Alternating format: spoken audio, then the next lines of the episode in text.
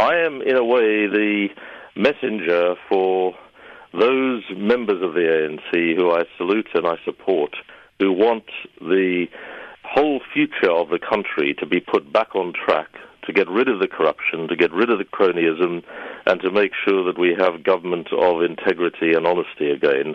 And I salute them and I support them because I think they are acting in the tradition of Nelson Mandela and the veterans of the struggle of Walter Sisulu and Ahmed Kathrada and others who sacrificed so much and led us so well. Selfs al wil Lord Hein nie die fokus op homself laat val nie, wys hy tog daarop dat sy betrokkeheid by hierdie saak 'n voortsetting is van sy ouers en sy eie struggle geskiedenis. I am the son of uh, two brave white activists, Adelaide and Walter Hain, who were active in Pretoria.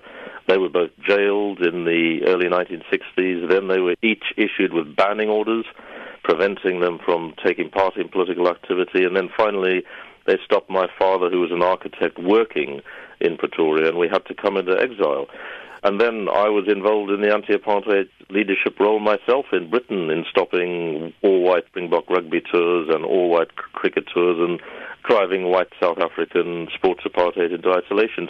Lord Hain sê hy het 'n passie vir Suid-Afrika se toekoms. I want to see it succeed and I still identify a lot with the values that um, we saw triumph under Nelson Mandela and the transformation in 1994.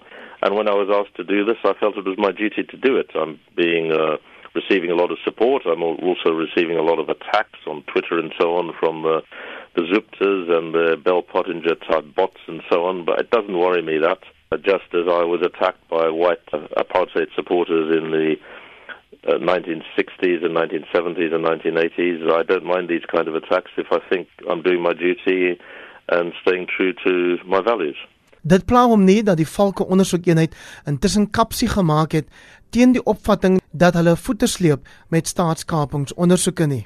I'm not talking about South Africa's internal policing security matters. I'm talking about international money laundering. We saw in evidence the former finance minister Pravin Gordhan, hugely respected uh, across South Africa and across the world, saying that he thought that more than 7 billion rand had been money laundered abroad.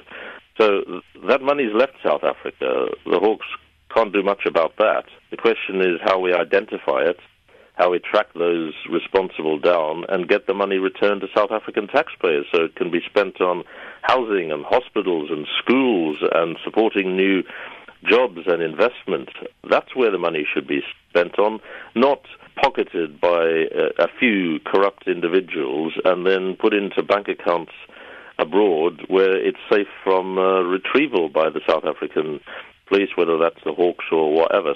Hy sê dis geen geheim nie dat sake in Suid-Afrika tans verloop soos wat hy dit in 'n brief aan die Britse Tesourie beskryf nie, naamlik 'n land wat gebuk gaan onder 'n politieke, ekonomiese en maatskaplike krisis wat meegebring is deur die Guptas en die Zumas. when I look at what's happening, it fills me with pain. I was speaking with Mandla Langa and uh, Selo Hatang. Mandla Langa, of course, has written the new Nelson Mandela book about his presidential years, and Selo Hatang is the chairman of the Nelson Mandela Foundation. I was speaking at an event last night to launch the book in London, and we were reflecting on the fact that the values of Nelson Mandela, of integrity, of honesty, of social justice, of greater equality, of increased fairness and human rights and democracy, those values are being corrupted by those at the top of government and those at the top of the business elite who are their friends and their cronies, and uh, they are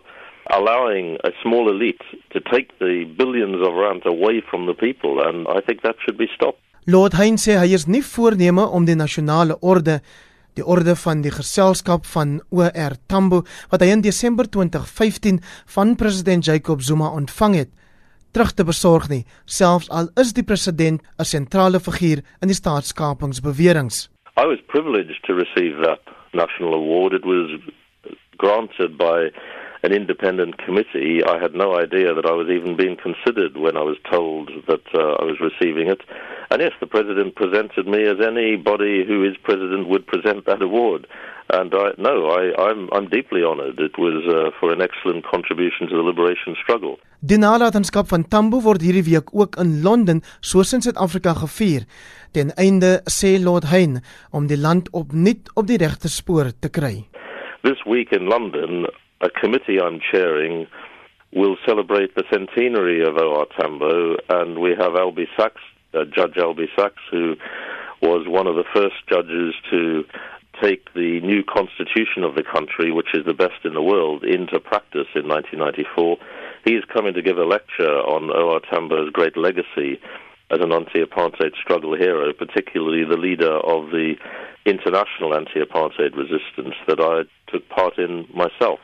So we continue to be active and to support and involve everybody in all that was best about the struggle in South Africa, and then to point out as well that the path of Tambo and Mandela and Sisulu and Kathrada and Chris Hani and so many others, that path must be taken once again by the ANC and by the country.